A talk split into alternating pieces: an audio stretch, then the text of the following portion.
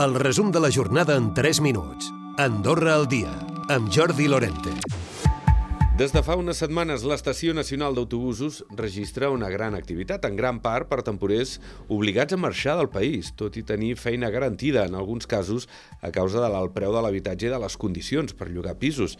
Escoltem el Juliano i la Florència. y se iba un monto de 8.000 euros para ingresar al, al alojamiento. Fue el único que llegamos a conseguir sin contar los requisitos luego que te piden que entre dos sueldos llegues a 5.000 euros, cosa que para un temporero es ilógico. Un temporero cobra el sueldo básico que son 1.270 euros. y en un momento nos tiran una oferta de un sofá, cama, cada uno 30 euros por noche, que nos pareció una locura. Y bueno, nada, eh, ahí es cuando nos damos cuenta que también se aprovechan de, la necesidad de, de todo. I mentre el secretari general de la Unió Sindical, Gabriel Ubach, recorda que la degradació del nivell de vida fa que cada vegada sigui més difícil que ningú vulgui venir a treballar al país. Quan arriben aquí a Andorra, veuen els preus dels pisos, veuen el que se'ls hi pagarà i veuen el nivell de vida que hi ha en aquest país, marxen però de- despavorits. Llavors, clar, des de la patronal ens proposen, home, si no volen vindre aquests, podríem anar a buscar eh, mà d'obra a l'Amèrica Llatina o a l'Àfrica. Qui no pateix són els allotjaments turístics, que tenen resolta la contractació de treballadors per a la temporada d'hivern. No necessiten tant personal com estacions d'esquí, hotels i restauració, però també constaten un augment important de l'arribada de currículums. En parlava el president d'aquesta associació d'empreses d'allotjament turístic, l'Àlex Ruiz. sí que és cert que aquest any estan arribant moltíssims currículums. Vull dir, eh, si normalment arribàvem doncs, 50 al dia, aquest any estan arribant 200 i 300 currículums al dia. I a més tots diuen que estan ja venint cap a Andorra.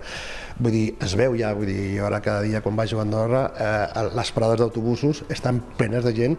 El número de, de temporers a, a, a agafar aquest any, en teoria tindria que minvar en 1.000, en 1.000 persones i em sembla que vindran com 5.000 més persones de les necessàries. Més de 90 parades de moda i complements de segona mà prenen part en el Vide Dressing de la Massana durant el cap de setmana.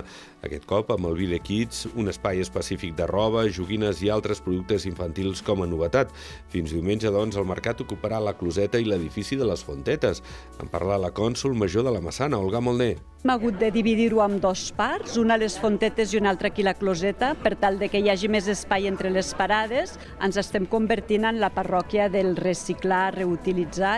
El Comú aspira també amb aquesta mostra a treure gent de les comarques catalanes veïnes. I mentre Sant Julià segueix treballant per restablir el funcionament de les zones afectades per l'incendi del dimecres, s'ha restablert l'accés a l'aparcament comunal de la plaça de la Germandat, situat sota el Centre de la Cultura i de Congressos, però només per als abonats. D'altra banda, la Universitat d'Andorra ha pogut tornar a posar en funcionament la calefacció i continuen les classes amb normalitat.